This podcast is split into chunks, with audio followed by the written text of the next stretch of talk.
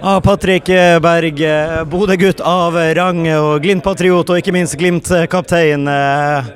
Vet du hva, vi, vi, går rett på. Før i avslutning av fotballkamp, for, før, noen overtidsminutter. Har du noen gang opplevd lignende? Nei, altså, helt oppriktig, det, altså, det støynivået og den euforien som bare ble sluppet løs i det Ulrik, eh, altså det er så perfekt. Eh, altså, du kunne ikke ha kunne ikke ha tenkt et bedre scenario før kampen engang. At vi har ligget under 2-0, vi, vi, klarer å karre oss tilbake 2-2, og så er det Ulrik som kommer inn eh, sin første kamp tilbake etter mange måneder ute og skårer 3-2. Så jeg tror nok det bidro til at, at alle på stadion bare altså, mista det fullstendig. For det var altså, Jeg tror alle opplevde sånn nivå som når det kommer til støyet da, på Aspmyra først. Så det var fantastisk. Ja, det står skrevet i stjernene at det er Ulrik som kommer inn og gjør det òg? Ja, ja, selvfølgelig. Vi, vi altså spillere og jeg tror nok alle fans er klar over at Ulrik har veldig mye mål i seg. Altså, han skårer alltid mange mål. Eh, og Det kunne ikke ha blitt bedre at det er han som kommer inn og, og avgjør det hele.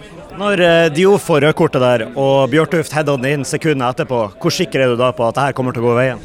Jo, altså jeg hadde, tenkte jo at nå er vi på framfoten og de er kanskje litt stressa. Så sånn sett så er det jo alltids bedre å utligne til 2-2 enn å slippe inn 2-2 på slutten. Så, så, jeg følte at vi sånn sett har jo et mentalt overtak akkurat der og da, og et overtak med tanke på at de har fått rødt kort. Og så er så jeg litt rundt meg og tenkte jeg bare hvem er det skal spille venstreback nå hos oss, egentlig? For Adam var bytta ut, og Ulrik hadde ikke lyst til å spille venstreback, så det var litt sånn OK, hvis vi kommer ut i ekstra Ja, ut i ekstraomganger nå, så havner jeg jo fort på venstrebacken, så nei det var, det var deilig, det. Så det var nei, nydelig.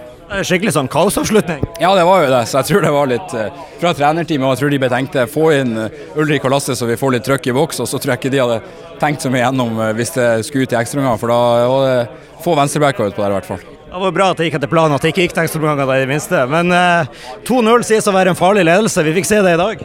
Ja, det, det er vel et uh, gammelt ordtak det at 2-0 er den farligste ledelsen. Så det, det, er jo litt sånn at uh, når du leder 2-0, så kan det være at man skrur av litt for at du føler at du har kontroll. Og så når man da får 2-1, så får du sånn snik til en sånn, sånn uggen følelse. Og så 2-2 uh, og 3-2. Så det var nei, fantastisk.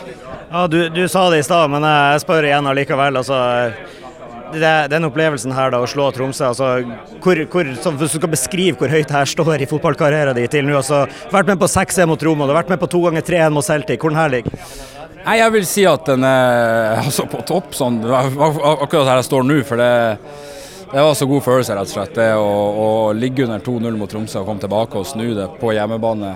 Eh, og så syns jeg det det ekstra som gjør det, er jo at det er Ulrik som skårer, som, har, som har vært ute i så lang tid og, og jobba steinhardt. Så det, jeg blir nesten rørt. Vi lever rett og slett lenge på denne? Ja, det tror jeg vi skal gjøre. Takk for det, Patrick. Gratulerer med en nylig seier.